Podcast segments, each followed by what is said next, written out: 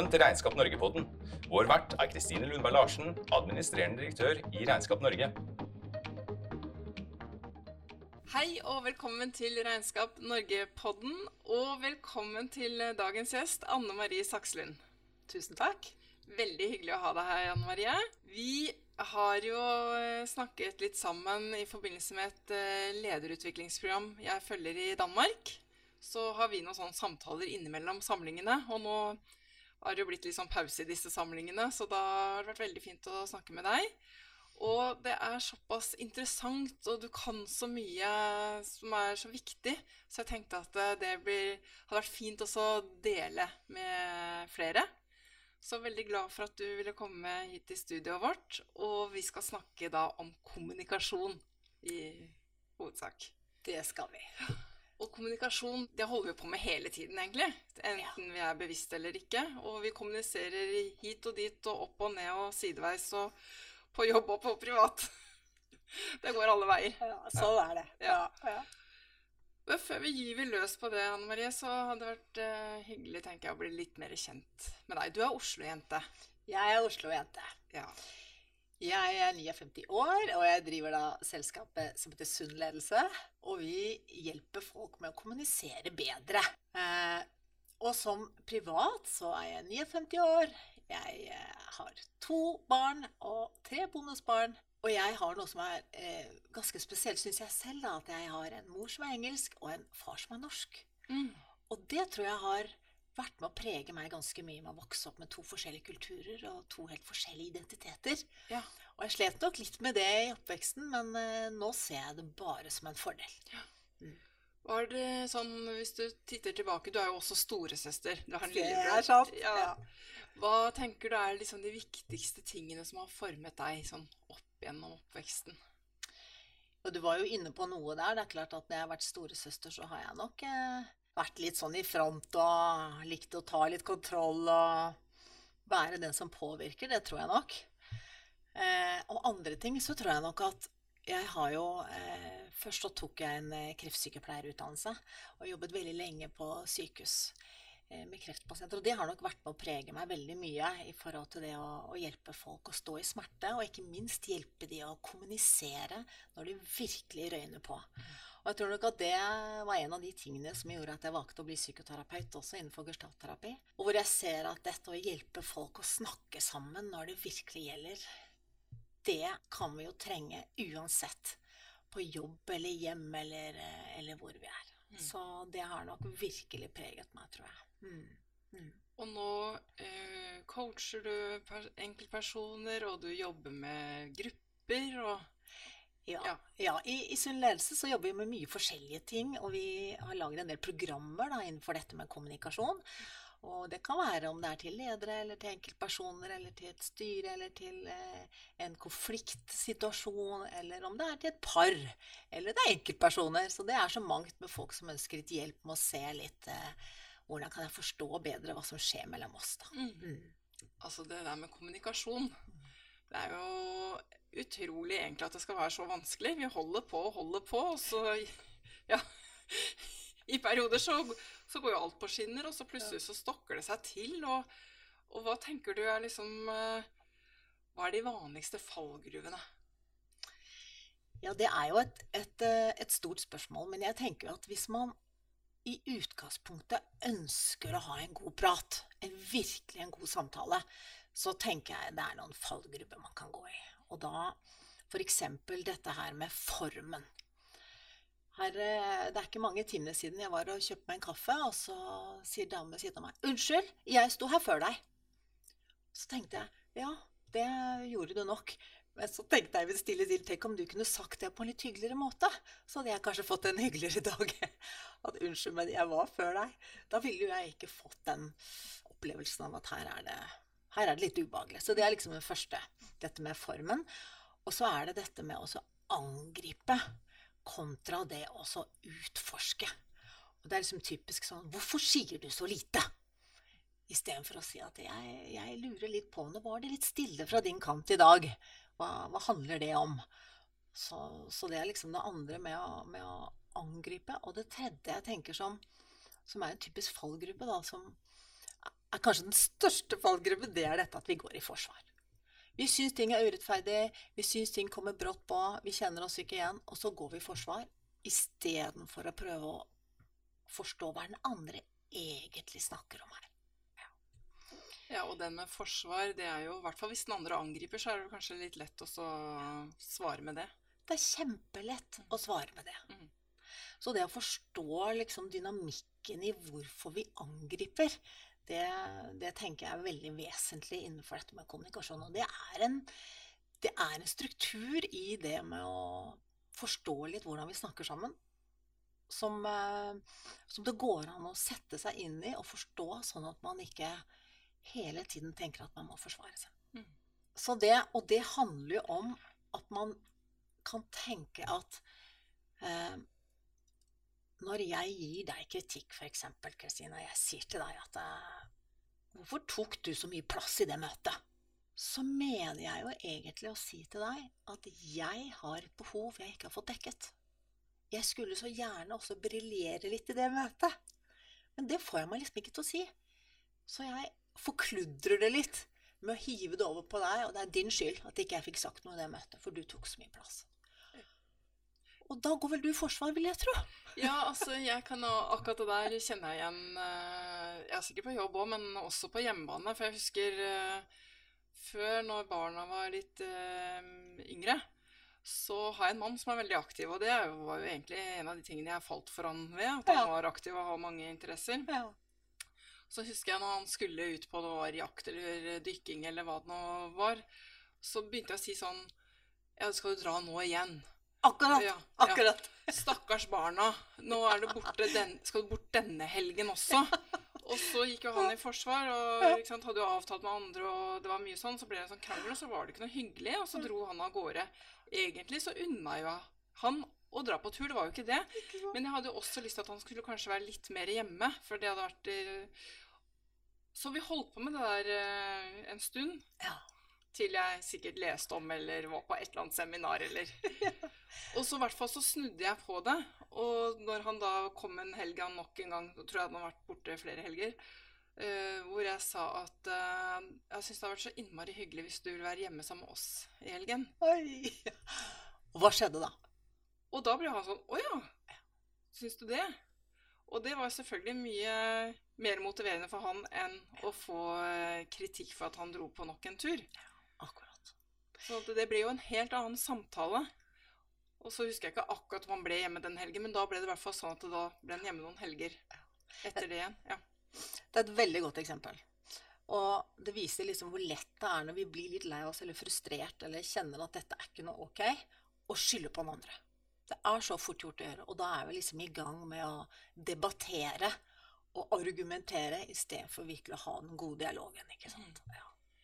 Ja, det har du snakket om eh, Vi har snakket om det noen ganger. Ja. Og så vil du si liksom, hva er forskjellen på det med debatt og det med dialog? Ja, det er en, en eh, polarisering som jeg er veldig glad i, og jeg har lært så mye av den selv også. fordi at jeg merker jo det at hvis jeg f.eks. skal diskutere med noen, og jeg er veldig påståelig med noe, at jeg syns at vi skal gjøre det på onsdag. Og så sier kollegaen min nei, jeg syns torsdag er det beste. Og så begynner vi å diskutere dette her, og så blir vi egentlig ganske hissige. Så merker jeg jo det at vi kommer ikke noe videre, for vi begge syns at hver sin dag er det rette. Så det er en typisk debatt. Mens påstanden min er at alle diskusjoner kan gjøres i dialogform istedenfor. Og da vil det jo være at jeg sier til min kollega ok, jeg hører at du syns torsdag er best, eller var det onsdag? Men si meg en ting, hvorfor syns du det? Få høre litt mer om det. Og så forteller han litt om det, og så vil han kanskje på slutten si men du sa jo onsdag, hva, hva tenkte du var best med det? Og det er jo liksom for å vise at vi kan utforske litt den andres, på, eh, den andres syn, da, enn å bare komme med vårt eget. Mm. For da, da er vi ikke egentlig interessert i den andre, og da blir det en krangel veldig fort, da. Og jeg ser at uh, både hjemme og, og ute så, så kan det misforstås litt det der med å ha rett og kunne ha en god samtale. Og det går fint an å være uenig òg, enig at man er uenig, men det er noe med tone og formen da som blir veldig viktig. Og da er det liksom Det jeg undrer meg litt over, er hvorfor er det så vanskelig egentlig å si litt hvordan vi føler det? For det er jo folk, og det gjør jeg sjøl òg, går jo utrolig omveier istedenfor å bare si det. Hva er det som skjer med oss da? Og det er så rart, det der. Eh, Der peker du på noe kjempeviktig. Og det jeg tror, det er at vi blir litt sånn opptatt av å si det riktige, eller å være akkurat sånn eller sånn, istedenfor å tenke og kjenne etter hvordan har jeg det faktisk nå med dette? Hva syns jeg faktisk om det som ble sagt nå? Eller hva er det jeg egentlig har behov for? Sånn at man tar seg ikke tid til å være genuin og åpen, og på en måte bare jatte med, da. Og før med ordet ord av det, så er det ikke en god samtale, fordi man er på hver sin klode. Så tror jeg ofte at folk er litt redde for å være åpne og kanskje si at eh, Nei, dette skjønte jeg ikke helt. Eller Nei, nå datt jeg av, jeg. Og at de tenker at nei, det burde jeg jo skjønt, eller nå burde jeg klart å følge med. Sånn at man ved å stoppe opp litt og si du, kan jeg være litt ærlig nå? Jeg skjønner ikke hva du mener, jeg. Eller hvis man blir urolig eller stressa eller Ja. bekymra, Ja. og så kommer det Er det lettere å komme med et motargument enn å si det? Ja, jeg tror det. Ja. Jeg tror det fordi at man tenker at det er et svakhetstegn, da. Det å, å lure på Oi, jeg, sier jeg kanskje ikke noen smarte ting nå? Eller Dette burde jeg jo ha forstått. Eller Nei, nå ble jeg redd. Det tør jeg i hvert fall ikke å si. Så skal man liksom heve seg opp og være litt sånn tøff i trynet, og da er det ofte at kommunikasjonen blir litt hard eller litt feil eller litt ensidig. Og at det blir litt sånn jeg skal vinne-kultur, da. Og det blir man jo veldig drevet av, det vet jeg jo selv. Og da kan man bli litt sånn blendet for å, å tenke hvilke andre valg har jeg nå for å få en god samtale. Ja. Mm. Så hvis vi har du liksom, Hvis vi skal skille sånn debatt og dialog, er det noe sånn Hvilke sånn tre stikkord kan vi si kjennetegner debatt, og hvilke tre stikkord kan vi si kjennetegner dialog? Hvis vi tenker på debatt først, så tenker jeg det at det er sånn vinne- eller tapekultur. Det er på en måte den ene, ikke sant? Og det andre kjente argumentet er jo at du forbereder neste innlegg. Ikke sant? Og det tredje argumentet, det er at du kjenner på motstand. Du har bare lyst til å duppe den andre. Det er sånn klassisk når du er i debatthumør. Og jeg tenker jo debatt kan jo være spennende når du holder på med politikk f.eks., men nå snakker vi om en god samtale. Det som kjennetegner dialog, det vil være at du ser på det dere diskuterer mer som et fenomen, f.eks., enn et problem. Ja. Så, du, så du ser på det fra flere sider enn bare at du har rett. ikke sant? Altså Jeg tror veldig ofte at det, La oss si f.eks. at det, du snakker med en person som du kjenner du mister all kraften når du snakker med vedkommende. Så kan jo det være et veldig stort problem, og det er det nok også. Men hvis du heller utforsker det med å se på dette er et fenomen, at når jeg møter Per, så mister jeg all kraften min. Og da har du mye mer igjen for å utforske hos deg selv. Hva er det som gjør at jeg mister kraften når jeg møter Per? Ja, så istedenfor å bare hive det over og definere den andre som et problem, at den andre er et problem, så ser man på sine egne reaksjoner og Ja. følelser. Det kan f.eks. være en del av settingen å si at dette gjør vi sammen. Det er ikke bare den andre som gjør noe feil. Mm. Jeg blir litt opptatt av den lista vi holdt på med, med hva som kjennetegner dialog. Ja. Og i tillegg til det å se på ting mer som et fenomen, så er det jo også dette her med å virkelig være utforskende. Og når du kommer med et argument da, eller en side av saken, at jeg er interessert i Ok, du sier det, ja. Fortell litt mer. Det var interessant. Sånn har jeg aldri tenkt på det, egentlig.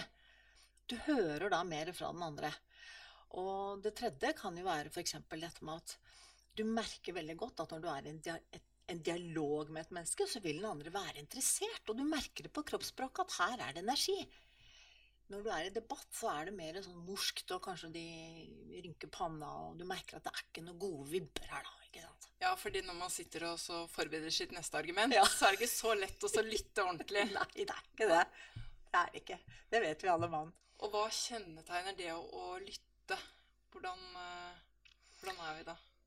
Ja, hvordan er vi da? Altså, det med å lytte, det er jo kanskje en av de tingene som vi tenker vi alle sammen kan, og som vi alle sammen gjør hele tiden, men som det er veldig mye forskjellig kvalitet på ute og går, da. Sånn at det å lytte, det er klart at det handler om å, å virkelig være til stede. Og lytte til nyansene, og legge alt sitt eget til side. Og virkelig være der for den andre for å få med alt det som skjer i det den andre spør om eller trenger eller har behov for, da. Men det er jo lett å dette ut. Det, det kan jeg veldig fort innrømme. Det er veldig lett å falle av. Man kan si til den andre at nei, vet du, nå, nå fikk jeg ikke helt med meg, nå var jeg et annet sted. Kan ikke du begynne på nytt? Mm. Det går an å gjøre f.eks. For, for, å, for å lytte litt mer. Ja, det der er vanskelig, altså. Og jeg husker jeg var på et foredrag med Fredrik Skavlan. Ja. Og det var litt sånn, Han skulle fortelle litt sånn ikke hemmeligheten bak suksessen, men litt sånn hvordan de jobba med Senkveld, som jo ble veldig sånn Da det kom for en del år siden, ble Ja. jo kjempepopulært. Og en ting som kjennetegner det talkshowet, er jo nettopp det at eh, gjestene får snakke ut. Og da hadde han flere eksempler. Vi fikk se klipp også de gangene han klarer å lytte, og så var det noen ganger han ikke klarte å lytte, og da ble oppfølgingsspørsmålet helt uh, teit. Men det han sa, kjerna det i det, å lytte for han, da, Ja. som et bilde han hadde på det, var å finne den andre sin topp. ja. Ja, finne den andre sin fjelltopp. Hvor er det den? Liksom virkelig sette seg selv til side. Og det er jo vanskelig, for, og særlig kan jeg tenke meg når man er på TV, for man vil jo gjerne være flink. Men det er vi jo i mange settinger, også både på jobb og privat, hvor vi gjerne vil være litt flink. Eller vi vil jo helst det. Og mestre. Og så blir vi mer opptatt av det enn å finne den andre sin topp. Ja, det, det der er jeg helt enig i. Det er klart at eh, man blir veldig fokusert på sitt eget og sine egne ting, og hvordan burde jeg være, i stedet for kanskje også bare være åpen og, og, og kanskje bruke tid da, på å finne den andres topp, ikke sant? Og det er jo egentlig veldig spennende når vi får det til, men jeg tror veldig ofte så, så detter vi av lenge for det, fordi vi kanskje brenner inne med noen egne spørsmål eller har lyst til å gjøre noe selv, da. Ja, og særlig kanskje hvis det er en litt sånn stressa situasjon, eller man er urolig.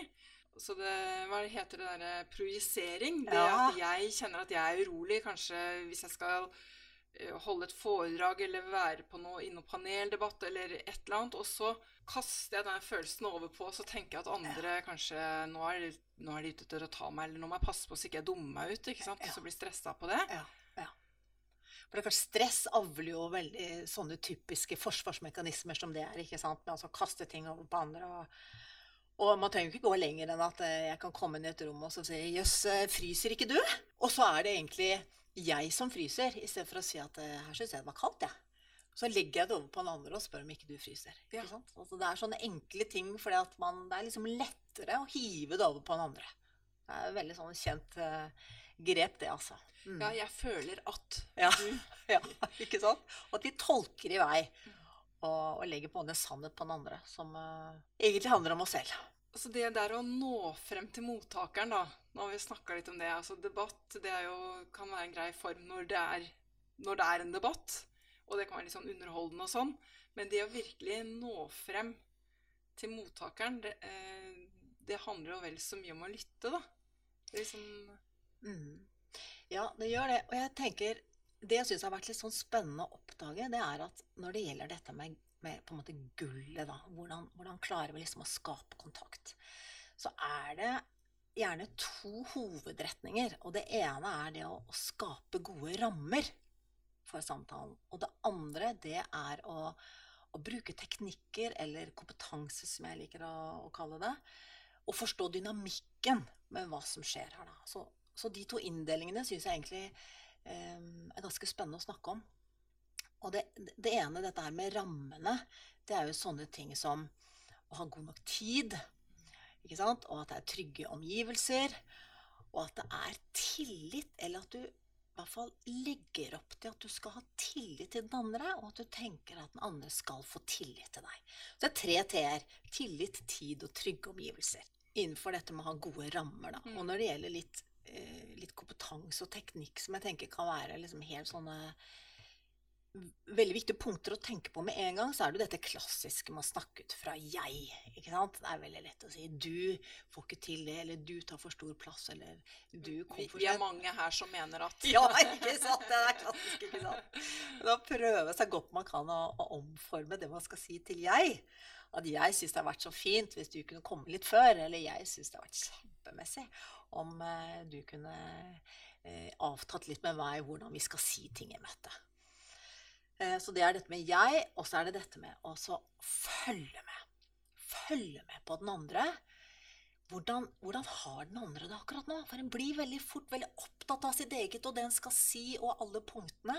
Men å se litt Ser det ut som den andre falt av? Ser det ut som den rynker pannen? Har den begynt å vippe veldig på foten? Er det liksom noe som jeg skal utforske litt? Hva, er, du med? Gikk det litt fort? Eller Det er en veldig smart ting, og da vil du få mye opplysninger med en gang. Og det tredje, det er dette med å være obs på fallgrubbene, da, som vi snakka litt om innledningsvis. Det å ha liksom fokus på formen din. Å ha fokus på går jeg i forsvar nå?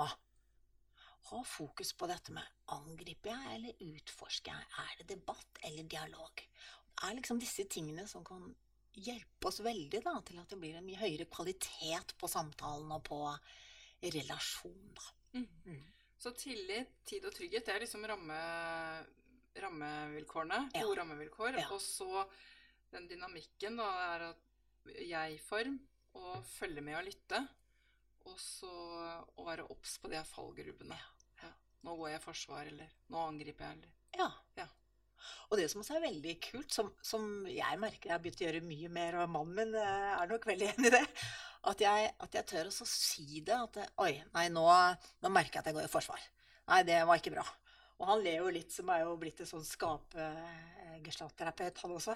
Ja, det gjorde du virkelig. Og det er så, det er så forløsende og så deilig da jeg liksom kan, kan tørre å ta meg selv litt på fersken. Da. Og det gjør vi jo hele tiden gjør tingene mindre smart når vi blir engasjerte. Så det er jo også en veldig sånn synes jeg er veldig sånn deilige deilig ting å alltid gripe til. da. Selv om jeg er langt ute til knes, så kan jeg, kan jeg stoppe opp og snu det. Og det er jeg har vel til gode at ikke det blir tatt godt imot. Ja. Mm. Jeg hørte en sånn nylig setning som var sånn at uh, det blir ingen god dialog uten en relasjon. Eller en relasjon er Mm. forutsetning for en god dialog. En, en god samtale ikke sant? den skal jo skape kontakt. Vi er veldig glad i det kontaktbegrepet innenfor eh, psykoterapien. At vi virkelig skal møtes. Og vi merker jo med en gang i en prat ikke sant? om vi på en måte er Om vi føler det er en god prat, eller om det ikke er en god prat. Ikke sant? Så det, det er klart at jo tettere og jo bedre relasjonen er, jo bedre blir stort sett praten også. ikke sant? Ja, for det kan jeg kjenne på at jeg syns er eh, utfordrende ja. innimellom. Fordi at jeg er litt sånn utålmodig som person. Og så vil jeg liksom fortest mulig til eh, målet. Og så blir det litt sånn kjapp, kjapp, og nå Jeg kan ikke bare gjøre det sånn og sånn, og så blir det bra. Og så tar jeg meg ikke alltid tid til å investere nok i den relasjonen i forkant. Jeg bare kjører liksom på. Og da ender jeg vel antagelig opp med å bruke mer tid enn om jeg hadde brukt litt mer tid på relasjonen innledningsvis. Jeg kjenner meg veldig igjen i det. Og det er så lett å bli ivrig og, og dure i vei, og man har gode formuleringer, og man vil så gjerne. Ikke sant? Og det er så lett også å glemme den andre. Så det å, å, å prøve å ta seg i det, og ha litt god tid, og sørge for at at uh, her ligger det til rette for å få en god prat, hvis det er det man skal. For jeg får jo også lyst til å si at for det er ofte uh, som kommer opp i denne type samtaler som vi har nå, det er jo Ja, men skal alle samtaler være så hyggelige, da? Og man Det er jo ikke alltid sånn, og det er jo mange man møter som man ikke kjenner så godt. Og jeg tenker jo at det, det har de helt rett i. Men det er klart, det jeg tenker vi spesielt snakker om nå, det er de gode samtalene hvor samtalene er sånn at man kommer videre, og man virkelig føler seg sett og hørt og bekreftet, som vi sier. da, ikke sant? Men det er klart at man kan ha andre nøytrale samtaler som også er helt ok. Mm. Så jeg vil bare liksom presisere det. Ja, man trenger ikke gå i dybden hver Nei. gang. Nei! Og det er vel mange som vil være enig i at vi trenger ikke å ha helt sånne hjerteløftende samtaler hver gang.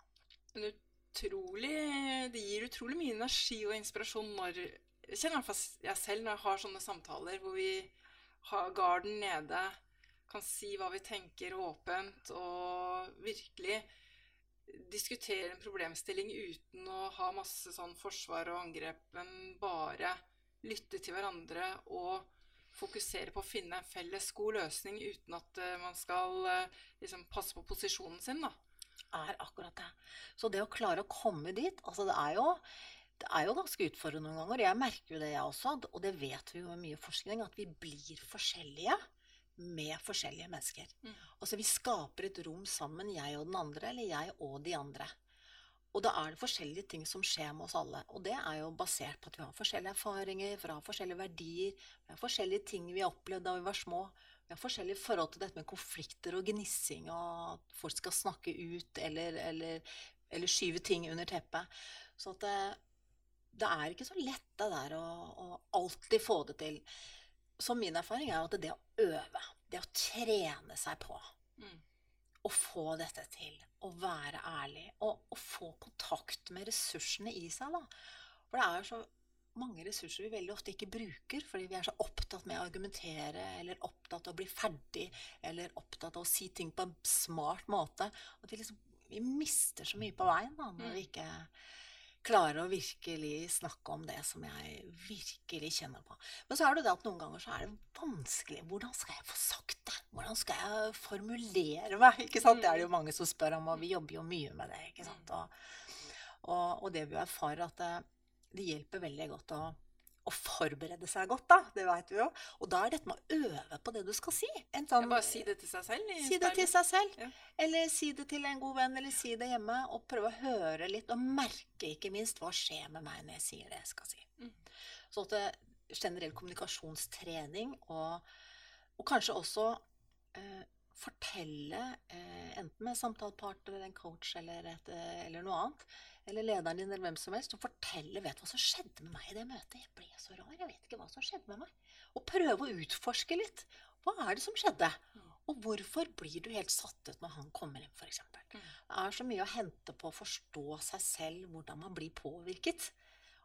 Og det er veldig spennende å se hvor mye mer man finner ut når man tør å ta lommelykta litt innover. Og, og jeg øh, pleier å være veldig åpen på at jeg er ganske eh, redd for litt sinte mennesker og litt autoritet. Og hvis det er mye av det et sted, så blir jeg litt låst og kan stoppe opp litt og miste meg selv litt. Mm. Før jeg liksom klarer å, å komme på at å ja, nå er det det. Og da kan jeg kanskje enten si noe om det, eller at jeg rister litt på meg, og så tenker jeg ja, men dette er helt i orden. Dette er ikke farlig. Så kan jeg bare snakke videre. Det kan jeg kjenne meg igjen i. Ja, du Og det, ja, og det er jo eh, Det har jeg erfart at de gangene jeg skal ha en krevende samtale, enten det er oppover eller sideveis eller nedover, så, og jeg tar meg tid til å forberede meg, så er kanskje noe av det viktigste jeg har forberedt meg på, er å tenke gjennom hva slags reaksjon jeg kan forvente av den andre, og hva er det den reaksjonen gjør med meg. For da kan jeg liksom forberede meg litt, for jeg vet at f.eks. hvis den andre begynner å gråte Jeg blir jo berørt av det, men jeg syns ikke det er et problem. Det går greit. Det er følelser, og det, det, det er fint. Jeg, som deg, kan synes det er mer krevende hvis den andre begynner å skrike eller veldig sånn Ja. heve stemmen. Og det er det selvfølgelig grunner til, og det vet jeg selv, og da kan jeg forberede meg hvis jeg kan tenke meg at eh, det er en reaksjon som den personen fort kan komme, så vet jeg at da kan jeg bli litt satt ut av det.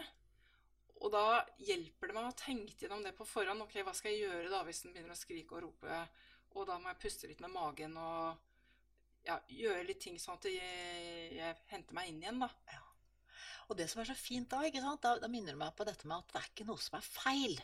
Hvis jeg tenker at nå begynner den å gråte, det er jo helt feil. Eller nå blir jeg redd eh, i dette møtet, det er jo helt feil. Og det er ikke feil, det er sånn det er. Så, så det å, å nærme seg det, istedenfor å tenke at dette må bort, dette må jeg slutte med, dette må vi bare få en ende på, og tenke helt motsatt, og tenke ok, dette skal jeg nærme meg. Mm. Dette skal jeg virkelig ta inn. For dette er virkeligheten. Så jeg må forstå hva som skjer, og utforske det litt heller. For da vil det bli bedre. Mm. I stedet for at hvis jeg bare skal prøve å fikse det eller få det til å gå over, så vil det dukke opp rundt neste sving. Ja, du, det er utrolig interessant det du sier der. Med det Om det er rett eller feil. Ikke sant? Fordi det, det har jeg opplevd flere ganger, og særlig hvis vi f.eks. kanskje jobber i en endringsprosess, og vi skal slutte å gjøre noe Og noen skal slutte å gjøre noen oppgaver de er mestere har vært glad i, og de skal begynne å gjøre noe annet, eller, og de får det ikke til, eller de skal jobbe sammen med andre, eller Det kan være ting som skjer. Og da kan jeg bare snakke for meg selv at innimellom så bruker jeg for mye tid på å tenke at nei, det er jo ikke sånn det burde vært. Det er jo helt feil. Det skulle ikke være sånn. Det, ikke sant? Det er, og det er så menneskelig. Ja, ikke sant? Vi havna i denne situasjonen her. Det er feil. Og så kaster jeg bort masse tid og krefter på å tenke på hvordan det burde ha vært, og at det nå er feil, og hvordan skal jeg fikse det. Mens til syvende og sist så er det sånn at det er som det er. Og jeg ser jo det hvis jeg liksom gløtter tilbake opp gjennom livet med ulike situasjoner, at idet jeg kommer dit at jeg aksepterer at ok, men situasjonen er sånn den er, det er verken feil eller galt, det bare er sånn, så kan jeg jo forholde meg til virkeligheten sånn som den faktisk er, og ikke sånn som jeg mener at den burde være. Og da blir det jo mye mer konstruktivt med en gang. Det er det det gjør, ikke sant. Og, jeg tenkte på sånn et uh, eksempel i forhold til det. Det er jo, uh, Jeg har vært borti veldig mange ganger at uh, folk tenker at Nei, Eh, det der møtet ble helt forferdelig, fordi at jeg, jeg, formulerte meg så dumt. Så det var kjempeteit. Så det ble bare så feil. Så at jeg gidder ikke å gå på sånne møter mer. Dere får bare ta over, dere. Og det er jo en typisk sånn situasjon hvor folk eh, blir litt redde og tenker at dette, dette fikser jeg ikke. Ikke sant? Er ikke god nok. Så i stedet for å tenke deg at det er feil, akkurat som du sier det, å tenke at dette, sånn er det. Jeg blir litt stressa. Dette er litt vanskelig. Jeg, jeg fikk det ikke helt til nå. Men det å, da, å, å ta det inn at sånn er det. At jeg faktisk eh, gjorde ikke noen god figur i forrige møte, så det må jeg bare ta inn over meg. Og hva kan jeg lære av dette? Og hvordan kan jeg på en måte gå opp situasjonen en gang til og kanskje se på det på en annen måte? Og så vil jeg kanskje få det til. Eller så kanskje har jeg ikke lyst til å gjøre det. Men det å på en måte innrømme at det, det, er ikke feil, det er bare sånn det er. Ja, og noen ganger så bruker vi jo utrolig mye tid på å forklare hvorfor det har blitt sånn. Ja. Og ja, men så sa han det, og så gjorde hun det, og så tenkte jeg sånn. Og så sier den andre nei, men det var ikke sånn. Jeg tenkte sånn, og det var du som sa det, og det var ikke han. Og så holder vi på, og så bruker vi masse ja. tid og krefter på å forklare hvorfor det har blitt sånn det har blitt, istedenfor bare Ja, men nå er vi her. Det er som det er. Hvordan vil vi ha det fremover? Det er jo det vi, vi får jo ikke gjort noe med fortiden, så er det jo fascinerende at vi driver og baler med det støtt og stadig. Ja, ja. For ting er jo som de er. Det er akkurat det der. Og jeg kom på et veldig sånn kult eksempel i gang med, med, en som hadde opplevd akkurat det vi snakker om nå, faktisk.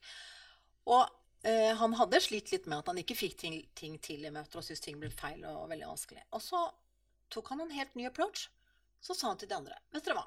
Forrige møte jeg fikk det ikke til, jeg. Jeg syns det var litt vanskelig å forklare det. Kan ikke dere komme med noe innspill? Hvordan syns dere det hadde vært ålreit eh, at jeg la det fram? Har dere noen forslag til meg? Og de var jo så ivrige på å hjelpe, for vi er jo veldig interessert i ja. å hjelpe hverandre. ikke sant? Ja. Så det å tørre å være litt åpen på sårbarheten, det er også et veldig sånn smart grep for å, for å møtes, da. Og, og, og det er klart at relasjonene kommer jo også mye tettere når man ja. tør å være åpen på sånne ting. ikke sant? Ja, ja og det har jo eh, tatt meg også eh, Særlig hvis jeg skal kommunisere et litt krevende budskap, så blir jo Når jeg er sånn, i jobbsituasjon ikke sant, og står foran en forsamling, så blir jeg som leder veldig opptatt av fakta ikke sant, og informasjon og få med alt helt riktig. Mens jeg har jo forstått at de som sitter og lytter, de er jo mye mer opptatt av kroppsspråket. Og hva er det hun egentlig Er hun urolig nå, eller er hun trygg, eller Så at vi vekter Der hvor jeg står og skal formidle et budskap og vekter informasjonen veldig høyt, så sitter lytterne, og særlig jo mer krevende budskapet er, så vekter jo de kroppsspråk og alt det rundt. Og der, der, er det jo egentlig et godt utgangspunkt for å snakke forbi hverandre egentlig med en gang. Helt sant. Og det er, eh, det er, veldig interessant det der å bli klar over hvordan man påvirker noen. Og også hvordan man selv blir påvirket. Og bruke det som en sånn arena da, til, å, til, å, snakke om hvordan kan jeg få akkurat dette her bedre. Og være litt åpen på at eh, vi blir alle berørt. Og at den intensjonen jeg har med noe, kan ha en helt annen effekt der ute. Og det er klart at hvis ikke du er interessert i akkurat det, så kan du pakke sammen. Mm. For det er klart, du må jo være åpen for at det oppleves annerledes enn du tror. Mm. Hvis ikke jeg tenker at det er spennende Istedenfor kanskje det kan jo oppleves litt truende med en gang, det kan du gjøre, men egentlig så er det jo så interessant at, at jeg har en annen effekt enn jeg trodde. Nei, så spennende! Fortell om det. Mm. Så hvis vi klarer å komme dit, så er mye gjort, da. Mm. Mm. Så hvis vi skal prøve å oppsummere det vi har snakket om nå, Anne Marie hva, Altså i, i det med når vi kommuniserer, så ligger det, det ligger en del fallgruber, og vi kan virkelig gå oss bort. Og så ligger det masse gull der. Ja, det er, det er helt sant. Jeg syns du oppsummerer det veldig fint, Kristine. Og det handler jo om å, å være seg selv og, og tørre å, å, å by på at dette syns jeg var utfordrende, eller dette får jeg ikke til, eller jeg forsto ikke helt hva du sa. Og det å virkelig ønske å heve den andre. Og jeg tenker at, at hvis vi er helt ærlige, så enten så ønsker vi å heve den andre, eller så ønsker vi å senke den andre. Og det å gå litt i oss selv og, og utforske det, kan også være en, en god ting da, for å hjelpe seg selv da, til å kommunisere på rett nivå. For det er jo litt det vi, vi hele tiden ønsker, også når vi har konkrete, vanskelige samtaler. Ja, og så gir det, har jeg opplevd i hvert fall, mye større eh, spekter av valg. Jeg trenger ikke hver gang gå i det samme mønsteret, men jeg kan liksom ved å ta inn hvordan den andre responderer, og det er absolutt ikke alltid jeg klarer det, det skal jeg være helt ærlig på, men når jeg klarer det, så kan jeg også se at jeg kan finne litt andre veier å nå den andre på. Ikke bare si 'sånn er jeg, og sånn kommuniserer jeg', og bare kjøre den ene veien hver gang. Men jeg kan få mange spennende alternative løsninger, da. Det er nettopp det at vi nok har flere valg enn vi tenker at vi har. Ikke sant? Vi, er, vi blir veldig sånn enspora, eller man har veldig lett for det når man er litt stresset, eller man har dårlig tid, eller man syns ting er litt ubehagelig. Særlig når man har litt ubehagelige samtaler, så har man kanskje lett for å tenke at det er bare Jeg må bare få sagt det fortest mulig, og så er jeg liksom ferdig med det. Mens eh, det finnes gode teknikker for det òg. Og som alt annet, så da er det Ja, det er jo veldig så tenker jeg liksom oppløftende å tenke på at det går an å trene. Øve, lese, snakke om det. Få tilbakemeldinger. Og så er man i fremdrift og kan bli, bli bedre på det da, hvis man syns det er vanskelig. Det er akkurat det. Og um, når det gjelder um, en litt sånn oppsummering, så kommer jeg til å tenke på at vi i Sunn ledelse så opererer jo med de fire f-ene. Ja. Har du lyst til å høre om de? Ja! Og de bruker vi gjerne um, kanskje når vi skal få frem noe vanskelig, eller når ting uh, kan være litt vanskelig å si. Så den første f-en, det er å forberede seg. Hvor skal jeg si det? Når skal jeg si det? Hva skal jeg si? Du har gått litt gjennom det. Og den andre f-en, det er formen din. Og jeg tenker alt kan sies når formen er god. Så det å være litt obs på at du har en, en vennlig og tydelig form. Og den tredje f-en, og den er egentlig litt så spennende, for den handler om å, at jeg skal få frem egne behov kontra det å kritisere den andre. Mm. Og den er egentlig en ganske sånn smart ting. For at istedenfor å si at du, du har ikke levert, nå fjerde gangen på rad, hva skal vi gjøre med deg? Så kan jeg heller si at vet du hva, Kristine, nå er det sånn at styret gir meg så mye pepper om dagen, og jeg er skikkelig fortvila, for jeg får ikke levert de tallene de skal ha. Så jeg lurer virkelig på hvordan vi skal komme i mål her. At jeg forteller om mine behov, det gjør at den andre kanskje får mer lyst til å, å hjelpe meg, da istedenfor at jeg bare nailer ned. Og den fjerde F-en, det er på slutten av samtalen å finne ut hvordan syns du den samtalen var. Finne ut hvordan andre har det. Mm. Hvordan syns du dette var? Og da får man jo mulighet til å korrigere hvis det var noe som ble misforstått, eller ja. ja. ja, tatt på en annen måte enn man tenkte. Ja. Så forberede seg. Formen. Få frem egne behov. Finne ut hvordan andre tar det. Helt riktig, du kan det, du! Lurer på om vi lar det være avslutningen, hvis ikke det er noe annet du brenner inne med. som- Nei, jeg tenker eh, Vi har vært innom veldig mye nå, og det siste måtte bare være at eh, dette med å tenke at eh, Å ta den andres perspektiv, da. Dette med å ha evnen til perspektivskifte eller mentalisering, som vi sier, Mm. er liksom kanskje kjernen til å bli en, en god kommunikatør, da. Mm. Mm. For det er alltid minst to sider av en sak, eller, eh, eller ofte flere òg. Det er Det er det det er, ikke Ja. sant? Ja. Du, tusen takk for uh, praten, Anne Marie. Veldig hyggelig å ha deg her. Tusen takk for meg. Takk for oss.